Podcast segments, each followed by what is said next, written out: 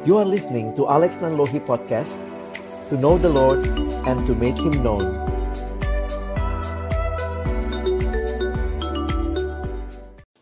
Mari berdoa sebelum kita membaca merenungkan firman Tuhan. Di dalam kasih-Mu itulah kami rindu melayani siswa-siswi di dalam bangsa kami di generasi ini. Singkapkanlah kebenaran firman-Mu ketika kami akan membuka firman-Mu. Tuhan, bukalah hati kami. Jadikan hati kami seperti tanah yang baik supaya ketika benih firman-Mu ditaburkan boleh sungguh-sungguh berakar, bertumbuh, dan juga berbuah nyata di dalam hidup kami. Berkati hambamu yang menyampaikan setiap kami yang mendengar, Tuhan tolong kami semua. Agar kami bukan hanya jadi pendengar-pendengar firman yang setia, tapi mampukan kami dengan kuasa dan pertolongan dari rohmu yang kudus, kami dimampukan menjadi pelaku firman-Mu di dalam hidup kami. Terpujilah Engkau ya Tuhan, dalam nama Tuhan Yesus Kristus, Sang Firman yang hidup. Kami menyerahkan pemberitaan firman-Mu. Amin. Shalom, teman-teman yang dikasihi dalam Tuhan Yesus Kristus. Bersyukur buat hari yang kedua yang Tuhan berikan bagi kita di KNPS ini. Di dalam KNPS ini ada empat kali scripture engagement dan ada dua scripture engagement yang waktunya lebih panjang dan hari ini dan besok scripture engagement yang waktunya lebih singkat. Nanti hari yang terakhir, hari yang keempat, kita akan kembali dengan waktu yang lebih panjang. Karena itulah kita merindukan teman-teman juga sudah membaca dan juga sudah mulai memahami apa yang terdapat di dalam bagian-bagian firman Tuhan yang sudah teman-teman bahas juga di dalam kelompok family group dan juga yang tadi malam diingatkan oleh panitia. Hari ini kita bicara tentang murid yang melayani.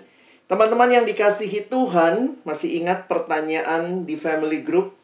Apa kira-kira lagu yang muncul di benak teman-teman ketika membaca khususnya 2 Timotius pasal 2 mulai ayat 14 sampai kepada ayat yang ke-26. Ada yang mungkin muncul lagu melayani, melayani lebih sungguh. Ada yang muncul lagu inilah yang ku punya hati sebagai hamba. Saya tidak tahu lagu apa lagi yang mungkin masuk dalam list lagu yang muncul dalam diskusi di family group teman-teman. Tetapi kembali saya ingin mengingatkan kita bahwa panggilan untuk menjadi murid yang melayani ini juga bisa kita pelajari dengan jelas di dalam ayat-ayat yang kita akan bahas. Teman-teman yang dikasihi Tuhan, kembali kalau kita mengingat yang kemarin ya, bahwa ada dua tantangan yang dihadapi oleh Timotius di dalam pelayanannya pada waktu itu. Tantangan dari luar, penganiayaan, penderitaan, tantangan dari dalam yaitu ajaran sesat. Kemarin kita banyak bicara penderitaan, tantangan dari luar, dan hari ini kita akan melihat tantangan dari dalam. Walaupun saya waktu merenungkan ini, saya harus katakan bahwa di balik semuanya itu saya yakin kuasa si jahat juga ada karena yang paling tidak rela jemaat dilayani. Yang paling tidak rela pelayan-pelayan Tuhan bertumbuh. Tentunya adalah si iblis yang tidak senang dengan Allah, kerajaannya, dan rencana-rencananya yang indah. Yang mau supaya siswa-siswi tetap hidup dalam dosa. Yang mau TPS-TPS terbelenggu di dalam dosa-dosanya. Saya lihat ini adalah peperangan rohani. Karena itu mari kita perlengkapi diri kita ini bukan sekadar sebuah seminar, sesi, camp ini disiapkan dalam doa dengan kerinduan bahwa Tuhan yang membuka hati kita. Dan pada waktunya ketika teman-teman melayani adik-adik siswa, Tuhan pun akan memakai teman-teman sekalian yang bersandar penuh kepada Tuhan untuk boleh menyampaikan kebenaran Allah yang memerdekakan. Teman-teman ingatlah ini bukan sekadar main pelayanan-pelayanan. Kamu TPS-TPSan ya, saya koordinator-koordinatoran, nanti ada yang jadi staff-staffan, nanti ada yang jadi siswa-siswaan, lalu nanti kita bagi-bagi peran. Bukan. Ini adalah pelayanan peperangan rohani. Ancaman dari luar yang kita pelajari kemarin berupa penganiayaan ini bukan hal yang baru. Tuhan Yesus pun sudah mengingatkan murid-muridnya. Kalimat yang saya highlight di sini.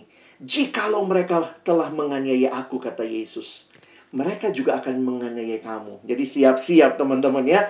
Ini tentu bukan untuk menakut-nakuti, tetapi ini realita. Karena Paulus ingatkan kepada Timotius, di dalam 2 Timotius 3 ayat 12. Memang setiap orang yang mau hidup beribadah di dalam Kristus Yesus akan menderita aniaya. Dan inilah realita yang dialami oleh semua orang-orang percaya yang mau melayani Tuhan di dalam setiap generasi.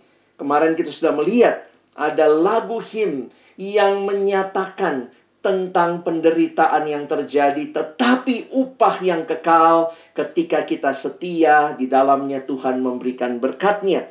Apa nasihat Paulus kalau kita kembali review kemarin? Apa nasihat Paulus dalam penderitaan? Wow, Paulus tidak katakan berhenti melayani, menghadapi ancaman dari luar. Paulus panggil, ayo ikut menderita. Peganglah segala sesuatu yang kau dengar daripadaku lakukanlah, peliharalah dan nanti kemarin dalam ayat 2 ayat 2, 2 Timotius 2 ayat 2, percayakanlah Injil. Situasi sulit bukan berarti kita berhenti melayani. Nah, hari ini kita melihat bagaimana menghadapi ancaman dari dalam. Oh, ternyata ancaman dari dalam tidak kalah menyeramkan. Karena ketika terjadi, ini secara diam-diam, secara mungkin tanpa kita sadari. Dan itu yang sebenarnya kita bisa baca. Kalau teman-teman sudah membaca 2 Timotius pasal 2 ayat 14 sampai 26. Di sini jelas sekali apa yang Paulus sampaikan. Sekali lagi, di tengah-tengah situasi ancaman dari luar, di tengah-tengah situasi ancaman dari dalam, nasihat yang muncul dari Paulus Paulus menegaskan profil pelayan Injil yang harus berbeda dengan zamannya. Kalau teman-teman mau lihat kesimpulannya, saya coba simpulkan dalam slide ini. Jadi kalau kita lihat semua 2 Timotius 2 mulai dari ayat 1 sampai ayat 26, saya secara sederhana membaginya. Kemarin bicara tentang ancaman dari luar, penderitaan maka jadilah murid yang memuridkan. Kata kuncinya kemarin, ikutlah menderita. Lalu ada tiga hal yang menjadi teladan metafora. Prajurit, olahragawan, dan petani. Dan hari ini kita menghadapi tantangan dari dalam penyesatan. Maka kita dipanggil untuk menjadi murid yang melayani. Perhatikan kata kuncinya, kalimat kuncinya ayat 15 usahakanlah supaya engkau layak di hadapan Allah. Dan muncul lagi ada tiga metafora. Jadi kalau kita tambah, ada enam teman-teman ya. Pekerja yang tidak usah malu, perabot yang mulia, dan hamba Tuhan. Jadi nanti karena ini SE yang lebih singkat, teman-teman bisa pelajari, gali lebih dalam Nanti Kak Alex akan coba memberikan beberapa highlight yang menarik untuk kita bisa pahami. Tidak heran ketika dua bagian ini, atasnya tiga, bawahnya tiga. Ini jadi paket lengkap teman-teman. Paket lengkap ketika menghadapi tantangan dari dalam, dari luar. Nah semuanya ketika digabung ada enam contoh profil pelayan Injil Bapak John Stott dalam tafsiran 2 Timotius berkata, kalau kita gabungkan keenam-enamnya, kita renungkan maka ini adalah sebuah tanggung jawab untuk berjuang dan menderita demi Injil. Tidak heran katanya, di awal 2 Timotius 1 kemarin, Paulus mengingatkan, jadilah kuat dalam kasih karunia Tuhan. Kenapa? Memang nggak gampang. Nanti sambil kita bahas, Coba kita evaluasi diri kita ya. Saya kayak pekerja yang tidak usah malu nggak ya? Kemarin kita sudah evaluasi, saya sudah punya ambisi kuduskah seperti prajurit? Saya sudah punya disiplinkah seperti olahragawan? Apakah saya sudah punya kerja keras seperti seorang petani? Hari ini kita tambah tiga hal lagi ya untuk kita pahami. Mari sedikit lihat latar belakang. Saya tidak lama di latar belakang, tetapi kira-kira kalau kita pahami apa sih penyesatan yang terjadi di jemaat Efesus? Kan Timotius lagi ditempatkan Paulus di Efesus. Kalau teman-teman membaca seluruh kitab 2 Timotius, maka pengajaran sesat yang muncul ini bukan hal yang baru. Paulus pernah mengingatkan di kisah Rasul 20 ketika perpisahan dengan penatua jemaat Efesus di Miletus. Waktu itu Paulus sudah mengingatkan hati-hati bahkan dari antara kamu sendiri akan muncul beberapa orang dengan ajaran palsu. Mereka berusaha menarik murid-murid dari jalan yang benar supaya mengikuti mereka. Jadi sudah diingatkan. Nah, ada banyak model ajaran sesat yang muncul. Ini mirip kayak itu ya teman-teman ya. Kalau ada barang bagus, ada aja KW-nya ya. Jadi ketika ada ajaran yang benar, ada aja yang bikin ajaran yang palsu. Kenapa? Perhatikan. Kira-kira ajaran palsunya apa? Yang ada di Efesus. Nah, kalau kalian baca seluruh dua Timotius, nah ini ada masalah perkataan mereka, ajaran yang diajarkan kebangkitan telah berlangsung. Nah, jadi memang menarik. Nanti kalian bisa dalami ada yang mengatakan bahwa mereka punya pengajaran begini. Tidak ada kebangkitan masa depan. Kebangkitan itu sudah terjadi sekarang. Ketika terima roh kudus, mereka bilang, wah sudah terjadi kebangkitan. Sehingga sudah selamat. Sudah selamat, seenaknya aja hidup. Mau hidup nggak beres, hidup nggak benar. Karena itu kalau kalian perhatikan, Paulus selalu mengatakan bahwa kamu harus bereskan hidupmu. Kalau betul ajaranmu benar, bukan begitu harusnya hidup. Nanti pasal 3 ayat 8 besok kita bahas. Mereka menentang kebenaran bobrok. Iman mereka tidak tahan uji. Jadi bayangkan akalnya bobrok, imannya tidak tahan uji. Inilah gambaran pengajaran sesat. Dan menariknya teman-teman, pengajaran sesat itu selalu ada dari zaman ke zaman.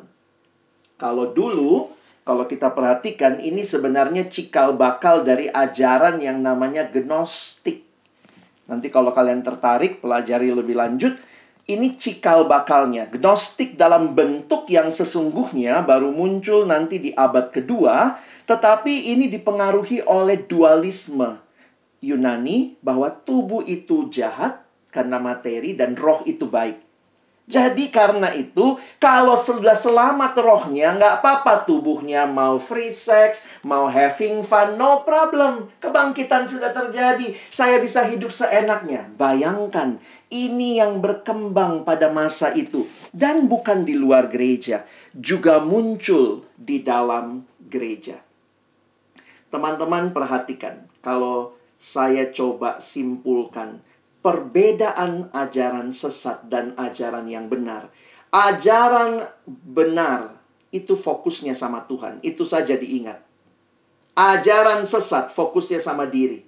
Asik, saya sudah selamat. Saya bisa mau minum-minum kah, mau nonton pornografi kah, kan sudah selamat. Sekali selamat tetap selamat. Ajaran-ajaran yang berpusat pada diri menjadikan diri segala-galanya tapi kehilangan Kristus, Tuhan segala-galanya. Itu sebenarnya ciri paling dasar dari ajaran-ajaran yang palsu. Nah, memang saya harus tegaskan teman-teman ya, harus kita bedakan apa artinya ajaran sesat dengan ajaran benar. Nah, contoh ya, kalian lihat. Hati-hati pakai labelnya karena jangan-jangan salah label kamu buatnya ya. Jadi kalau kita bicara gereja sebenarnya ada dua pembagian utama. Satu dibilang yang benar, satu yang sesat atau bidat, ya. Bidat ini mirip kayak yang benar, tapi nggak benar gitu ya. Makanya dia bilang bidat di dalam sejarah gereja. Ada yang suka nanya, apa bedanya bidat sama bodat? yang dari Sumatera mungkin ngerti ya. Bodat itu monyet. Bodat mirip kayak manusia, tapi bukan. Demikian juga si bidat, mirip kayak ajaran yang benar, tapi enggak. Lalu bagaimana Bang membedakannya? Bagaimana Kak Alex membedakannya? Paling sederhana perhatikan, ajaran-ajaran sesat tidak menerima pengakuan iman rasuli. Bukan tidak menyebutkan, ada gereja kan yang menyebutkan iman rasuli, ada yang tidak. Tetapi yang saya mau tegaskan, gereja yang benar itu mengakui pengakuan iman rasuli yang berpusat pada pengajaran Allah Tritunggal. Aku percaya kepada Allah Bapa, kepada Yesus Kristus dan kepada Roh Kudus. Kita percaya kepada satu Allah yang menyatakan diri dalam tiga pribadi. Nah, yang sesat itu bagaimana? Yang bidat itu bagaimana? Yang tidak percaya Yesus Tuhan. Oh, Yesus bukan Tuhan. Dia cuma manusia. Oh, Roh Kudus itu cuma kuasa, bukan pribadi. Oh, kalau yang demikian berarti dia tidak menerima pengakuan iman rasuli yang mengakui Allah Tritunggal. Yang ini kita bilang sesat atau bidat. Tapi ada yang bilang, "Kak, gereja temanku tuh sesat loh." Saya bilang kenapa? Wih masa dia kalau kebaktian begini begini begini. Akhirnya saya harus katakan saya bilang itu nggak sesat deh ya. Karena poinnya begini. Perhatikan gambar yang muncul ya. Di dalam ajaran yang benar ada dua cabang lagi. Satu yang sehat, satu yang kurang sehat. Nah, jadi mungkin kalau kita bicara gerejanya itu mesti hati-hati nih. Ini sesat, bidatkah? Kalau bidat ya udah, jangan jangan di uh, jangan dipeduliin dalam arti itu bukan bukan sesuatu yang gampang teman-teman ya. Kalian harus perlengkapi diri untuk menghadapi itu. Tapi sering kali perdebatan antar gereja saat ini itu sama-sama di gereja yang benar sama-sama mengakui pengakuan iman rasuli tetapi gereja yang sehat dan kurang sehat bedanya apa Gereja yang kurang sehat sering kali memberikan penekanan berlebihan pada doktrin tertentu. Nah, jadi memang sedihnya ya gereja yang benar ini kita di dalam gereja yang benar dengan berbagai denominasi saling menuding. Kau yang nggak sehat. Yang satu bilang, enggak, kau yang nggak sehat. Kau yang nggak sehat. Kau yang nggak sehat. Nah, itu yang sedih ya. Makanya sebenarnya kita harusnya bisa kembali melihat apa yang Alkitab sampaikan. Yang satu bilang, apa itu gerejanya kurang roh kudus. Yang satu bilang, eh daripada gerejamu kelebihan roh kudus. Begitu ya. Jadi kadang-kadang ini pertentangan di antara gereja yang sama-sama benar pengakuannya pada pengakuan Bapa, Anak, Roh Kudus, tetapi ada doktrin tertentu yang ditekankan berlebihan. Misalnya ada yang menekankan berlebihan pada persembahan. Pokoknya semua khotbahnya persembahan. Semua lagunya tentang persembahan apa pun. Jadi berlebihan pada persembahan. Ada lagi yang berlebihan kepada kesenangan, kesuksesan. Nah, jadi kalau kita nggak hati-hati, saya harus katakan juga bahwa saya juga cukup takut gereja-gereja yang kurang sehat. Kalau tidak membenahi diri, mungkin jadi bidat. Mungkin jadi bidat. Ya, Nah, jadi ingat, yang Paulus lagi bicara di sini bukan antara gereja sehat dan kurang sehat ya. Bukan. Paulus lagi bicara tentang yang sesat. Makanya kalau kita perhatikan Paulus dengan tegas, hati-hati dengan yang sesat. Jangan kamu melakukan apa ya? Uh, jangan hidup seperti mereka. Nah, kalau ditanya, jadi yang sekarang itu yang bidat yang mana Kak Alex? Nah, ini ini jelas-jelas bidat ini ya dalam sejarah gereja dan juga kita sudah tahu ya. Ini ada di Indonesia ada semua ya. Lucu juga ya, orang Indonesia itu suka juga sama yang palsu-palsu ya. Yehova ada, Mormon ada, dia pakai nama gereja Yesus Kristus orang-orang suci zaman akhir. Itu buat mereka Yesus itu bukan Allah. Yesus itu cuma ciptaan Allah yang unggul. Nah, jadi kayak begitu ya. Lalu ada Christian Science, ini pusatnya di Bogor ya. Gereja Yesus Kristus ilmu pengetahuan. Ada juga Children of God tapi kelakuannya Children of God ini uh, lumayan santer tahun 80-an teman-teman. Tapi apa yang diajarkan? Hidup nggak kudus. Ibadahnya apa? Ibadahnya cium kudus, having sex, free sex. Kenapa? Kita anak-anak Allah, silakan, silakan dengan bebas. Bukan children of God, children of dog itu, ya. Jadi anak-anak anjing itu ya, tidak punya etika, tidak punya moral. Jadi hati-hati, ini ada di sekitar kita. Khususnya di Indonesia, ada ajaran-ajaran seperti ini. Apa yang biasanya jadi ciri? Nah, waspada aja ya. Kak Alex nggak, akan bahas khusus, tapi ciri ajaran sesat dari zaman ke zaman selain tadi. Yang sesat selalu fokus kepada diri dan kepuasan diri, bukan kepada Allah. Maka biasanya dia punya Injil lain pakai Alkitab sih, tapi ada lagi nanti ditambah kitab lain. Katanya pendirinya kayak Mormon kan, pendirinya dapat uh, dapat penglihatan dari malaikat. Akhirnya dia bikin kitab Mormon. Atau mungkin juga bisa jadi Injil minus. Pakai sih Alkitab kita, tapi dibuang beberapa bagian. Eh, Yehova misalnya, Yehova itu walaupun dia ke rumah-rumah pakai Alkitab kayak kita, Jangan lupa loh, nanti kalau kamu ketemu Yehova tanya aja. Yehova menolak kitab uh, kejadian 1 sampai kejadian 3. Nah, kira-kira begitu ya.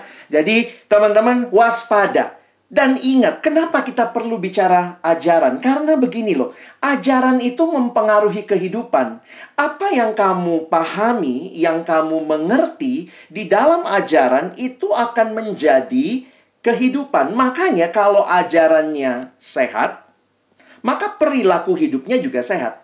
Harusnya begitu ya. Jadi kalau secara sederhana, bagaimana menghadapi pengajar sesat? Ini nasihat Paulus. Saya simpulkan, menghadapi pengajar yang sesat, nah ini dua hal ya. Menghadapi pengajaran yang sesat, jadi pengajarannya sesat, lalu pengajarnya sesat, ya. Ini ini dua dua bagian, maka tidak ada cara lain. Hadapilah dengan bertumbuhlah dalam ajaran yang benar dan perilaku hidupmu juga benar, gitu ya. Makanya kalau lihat nasihatnya, perhatikan Paulus sampai ngomong begini. Ingatkanlah dan pesankanlah semuanya ini dengan sungguh-sungguh jadi Paulus tuh serius banget gitu ya. Makanya kalau kita lihat ya, sebelumnya dia udah bilang berkaitan dengan penderitaan, ayo ikut menderita. Berkaitan dengan penyesatan, dia ingatkan Timotius, tim, ingatkan dan pesankanlah semuanya ini dengan sungguh-sungguh. Kalau kalian menggabungkan di sini, saya pikir ada dua hal yang penting. Ketekunan. Kadang-kadang ada yang bilang, ih, ikut KNPS udah pernah tuh dibahas materinya. Kadang-kadang saya tidak, saya bukannya apa ya teman-teman. Waktu lihat banyak anak sekarang kan bisa akses informasi kan. Gampang dapat pengajaran dan segala macam. Tapi hati-hati, kita hanya menjadikan sebagai pengetahuan. Kita butuh ketekunan dan kita butuh kesungguhan menghadapi pengajar sesat. Saya ketemu siswa yang punya teman yang Mormon, Eh, dan dia dia pengen tahu tentang Mormon. Dia bilang, iya kak, saya perlu tahu tentang Mormon dan segala macam. Saya juga bilang sama dia, hey, jangan kebanyakan pelajari Mormonnya, pelajari Kristennya gitu ya. Pelajari kekristenannya, masa kamu nanti jadi ahli Mormon. Makanya saya bilang, ingatkan, tapi ajaran Alkitab gitu-gitu doang kak. Ya memang begitu, tetapi kamu perlu hidup dengan tekun, pelajari dengan tekun dan penuh kesungguhan. Kadang-kadang generasi ini maunya yang baru, yang baru. Aduh, doanya, apa khotbahnya, ih jangan lupa doa, jangan lupa saat teduh. Masa itu lagi? Tapi engkau dan saya butuh ketekunan dan kesungguhan bahkan untuk hal-hal yang kita rasa kita sudah kuasai. Ya. Siswa-siswi pun juga butuh itu. Jangan terlalu gila menjadi orang yang berusaha memberikan selalu harus ada hal yang baru. Selalu ada hal yang baru. Saya yakin Tuhan memberikan yang baru bukan dari hal yang sama sekali baru, tetapi dari hal-hal yang lama yang ketika kita pikirkan, kita doakan, kita gumulkan dengan ketekunan, dengan kesungguhan seperti kemarin ya. Refleksikanlah dan itu jadi kesegaran yang baru buat kita. Apa yang diingatkan? Ada tiga hal tadi ya, profil pelayan, yang diingatkan. Kata kuncinya, kalau kalian lihat, usahakanlah supaya engkau layak di hadapan Allah. Seperti apa? Seperti pekerja yang tidak usah malu, seperti perabot yang mulia, dan seperti hamba Tuhan. Teman-teman, pahami setiap bagian ini ada hal yang menarik. Kita lihat sebentar ya. Berkaitan dengan usahakanlah supaya engkau layak sebagai pekerja yang tidak usah malu. Nanti baca ayat 14 sampai 19. Ini ternyata kaitannya dengan perkataan. Ya. Kenapa? Coba lihat ayat-ayatnya ya. Karena dituliskan jangan bersilat kata. Jadi pekerja yang tidak usah malu, yaitu orang yang berus, berterus terang memberitakan perkataan kebenaran ini. Dan ini muncul bahkan sampai di ayat 19. Perhatikan di 16, hindarilah omongan yang kosong dan tidak suci. 17, perkataan mereka, ini perkataan guru palsu menjalar seperti penyakit kanker. Ada dua nama di situ disebut Himeneus dan Filetus. Lalu kemudian menyimpang dari kebenaran. Jadi saya menyimpulkan bagaimana pekerja yang tidak usah malu. Pekerja yang tidak usah malu adalah yang punya pengajaran yang baik dan memperkatakannya dengan baik. Perhatikan ya, bukan cuma punya pengajaran yang baik, tetapi bisa memperkatakannya dengan baik, tidak terjebak dalam silat kata, tidak terjebak dalam hal-hal yang tidak tepat. Nah, teman-teman, ini yang perlu kita ingat ya, sebagai orang-orang yang melayani di dalam generasi ini. Perlengkapi dirimu dengan ajaran yang baik. Baca fir kitab suci, baca buku-buku rohani yang baik, Ikuti pembinaan-pembinaan yang akan menolong kamu makin memahami iman Kristen. Lucu ya, kalau kita jadi TPS, kita jadi staff, memberitakan kebenaran, kita sendiri nggak paham yang kita beritakan. Jadilah pekerja yang tidak malu. Ya, sebenarnya kalimat tidak usah malu, karena kaitannya konteksnya nampaknya Timotius mungkin punya rasa minder, masih muda, tidak punya banyak pengalaman, tetapi Paulus katakan, engkau harus bertumbuh di dalam pengalaman pengajaran yang benar, ya. Yang kedua, muncul lagi, usahakanlah supaya engkau layak di hadapan Tuhan seperti sekarang seperti perabot yang mulia. Menarik sekali, Paulus ini kan yang kayak kemarin ya, dia pakai ilustrasi, dia pakai penggambaran, Paulus bilang seperti perabot yang mulia. Perabot yang mulia itu dari mana? Dari emas dan perak. Ternyata ini kaitannya dengan moralitas hidup. Teman-teman lihat. Dalam rumah yang besar bukan hanya terdapat perabotan dari emas dan perak, tapi juga ada dari yang lain dan Paulus mau mengatakan, Timotius kamu harus jadi perabot yang mulia. Di tengah-tengah guru-guru palsu dengan moralitas mereka yang rendah. Bayangkan, kalau kebangkitan sudah berlangsung, maka saya sudah selamat rohnya, tubuh ini nggak apa-apa dong. Bisa nikmati seks bebas, pada masa itu bisa nikmati ke kehidupan yang free. Tapi karena itu, kenapa saya kaitkan dengan moralitas? Karena perhatikan yang kemarin Kak Alex bilang ya, ayat 2 Timotius 2 ayat 22 ya. 2 2 22. Sebagai pelayan-pelayan Tuhan, kamu harus jadi perabot yang mulia yang menjauhi nafsu orang muda. Ini pas banget nih. Timotius kan masih muda ya, umur segitu. Kejarlah keadilan, kesetiaan, kasih, dan damai bersama-sama dengan mereka yang berseru kepada Tuhan dengan hati yang murni. Ah, ini ada juga pentingnya komunitas ya. Bersama-sama, jangan sendirian ngejarnya. Makanya punya KTB yang baik, bukan cuma mimpin adik-adiknya, tapi kamu juga punya KTB yang baik. Besok kita bahas lebih jauh. Kejarlah keadilan. Jadi ada yang dijauhi, jauhi nafsu orang muda. Kejar keadilan, kesetiaan, kasih, damai. Teman-teman gimana kehidupan rohanimu? Apakah itu berbuah dalam moralitas hidup yang baik? Kalau TPS, staff sibuk dengan dosa, ya itulah realita. Kita kan belum bebas dari dosa ya. Tetapi kalau kita jatuh terus di dalam dosa yang sama, saya pikir kita harus mulai terus bertanya, Tuhan jangan-jangan porno lagi, porno lagi. Ada yang kemudian mungkin jatuh dalam free sex, ketemu lagi sama pacarnya, jatuh lagi. Ada yang membiasakan diri grepe-grepe lah, ciuman lah, belum lagi dengan dosa-dosa yang lain. Sebenarnya kalau kita mau buka diri di hadapan Tuhan, kita harus katakan Tuhan, kita nggak layak melayani. Tapi kalau Tuhan layakkan kita, maka ingat, Tuhan panggil engkau dan saya bukan jadi perabot yang hina. Tapi perabot yang mulia, yang moralitasmu akan menunjukkan apa yang kamu percayai. Kalau Yesus sudah menjadi kepuasan hidupku yang sejati, I need no other. Saya nggak butuh yang lain. Teman-teman, gimana moralitas hidupmu? Kalian tidak usah jawab ke Alex. Evaluasi hidupmu di hadapan Tuhan. Apakah sungguh saya pekerja yang tidak usah malu, yang bertumbuh dalam pengajaran, yang bisa menyampaikan dengan baik setiap kebenaran?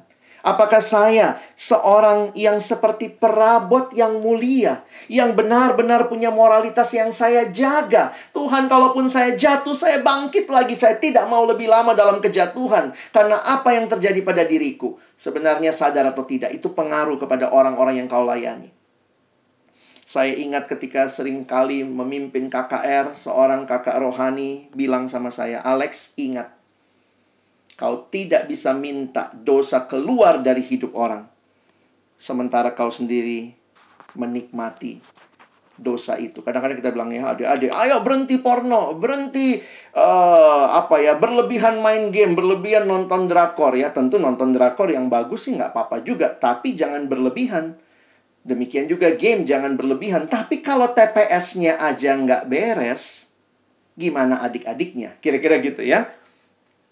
Nah, dan terakhir, usahakanlah supaya engkau layak di hadapan Tuhan. Gambaran yang dikasih adalah hamba Tuhan.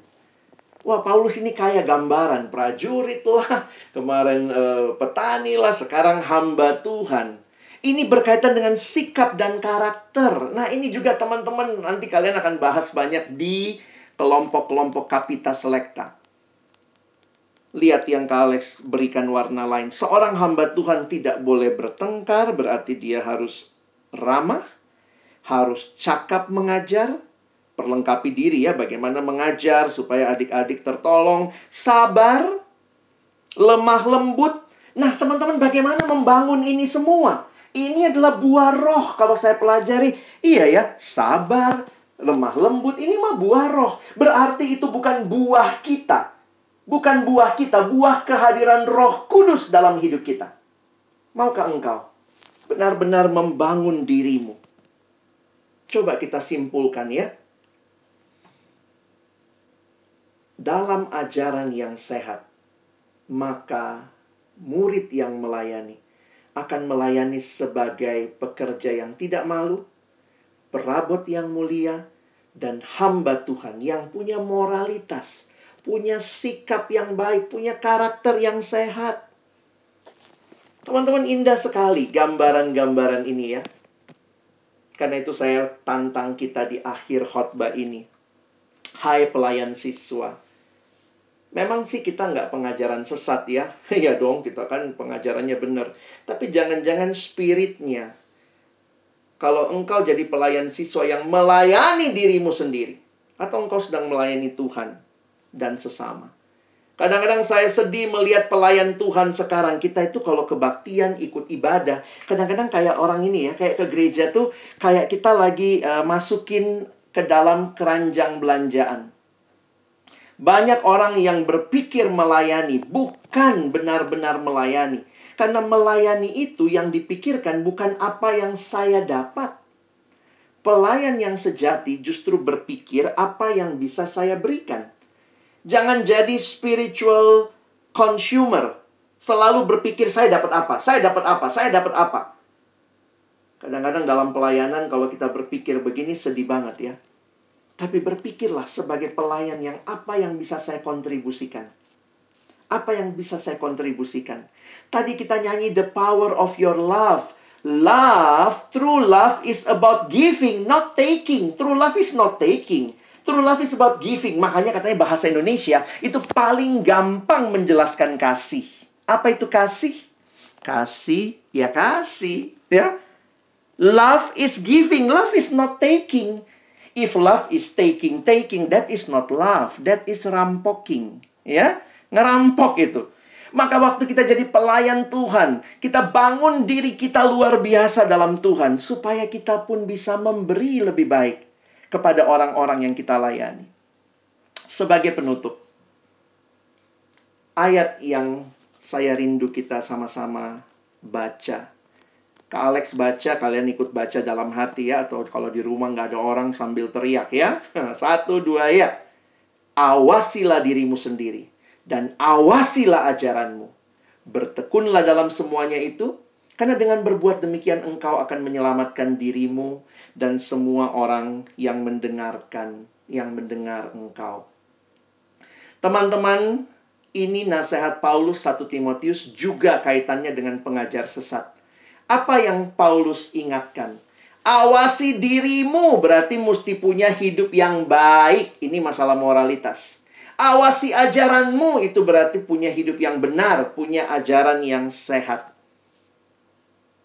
Bagaimana jadi murid yang melayani? Jangan cuma berpikir asik bisa melayani, tapi bangun dirimu yang punya ajaran yang baik. Uh, punya ajaran yang benar ya kalau pakai uh, terminologi ini dan punya hidup yang baik. Itu menyatu kayak koin dua sisi. Ajaran benar, hidup baik. Tujuannya apa? Teman-teman, waktu saya renungkan ini, lihat ya. Demi apa kita harus membangun semua ini? Paulus bilang begini ya, sekali lagi ayat tadi. Bertekunlah dalam semuanya itu. Karena dengan berbuat demikian, engkau akan pertama, teman-teman, menyelamatkan dirimu, tapi yang kedua, juga menyelamatkan semua orang yang mendengar engkau.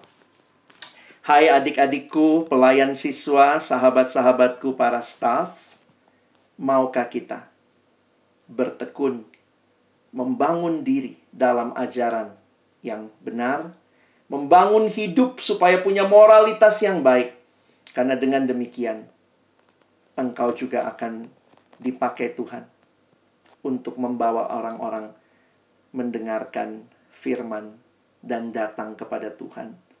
Siswa-siswi butuh dilayani di generasi ini oleh pelayan yang punya ambisi kudus, punya disiplin yang baik, punya kerja keras, hari ini punya pengajaran yang baik, punya hidup moralitas yang baik, punya karakter yang terus dibangun. Maukah engkau jadi bagian dalam pelayanan ini? Teman-teman, saya akan menutup dalam doa. Tapi bolehkah satu menit ini kita ambil waktu apa yang Tuhan ingatkan bagi saudara melalui sesi hari ini? Panitia bisa menolong, memberikan link Padletnya, dan silakan teman-teman ambil waktu. Ada hal-hal yang secara spontan Tuhan ingatkan. Tuliskan dan nanti juga bisa kita saling mendoakan. Kiranya apa yang teman-teman tuliskan ini akan menolong kita juga untuk boleh memberikan seluruh hidup kita dipakai menjadi pelayannya bagi generasi ini. Terima kasih Tuhan untuk firman-Mu. Tolong kami dikuatkan terus-menerus oleh kasih karuniamu untuk melayani generasi ini. Sekali lagi kami bersyukur karena kami bukan hanya mendengar firman, tetapi kami ditegur, kami diteguhkan, kami dikoreksi, kami dibangun untuk boleh hidup. Pertama-tama bagi Allah, tapi juga bagi sesama. Tolonglah semua kami menjadi pelayan-pelayan Tuhan yang punya moralitas hidup yang baik, pengajaran yang dalam dan terus bertumbuh, dan juga punya karakter yang tidak mempermalukan Tuhan, tetapi terus mempermuliakan Tuhan. Dalam nama Yesus, kami bersyukur. Amin.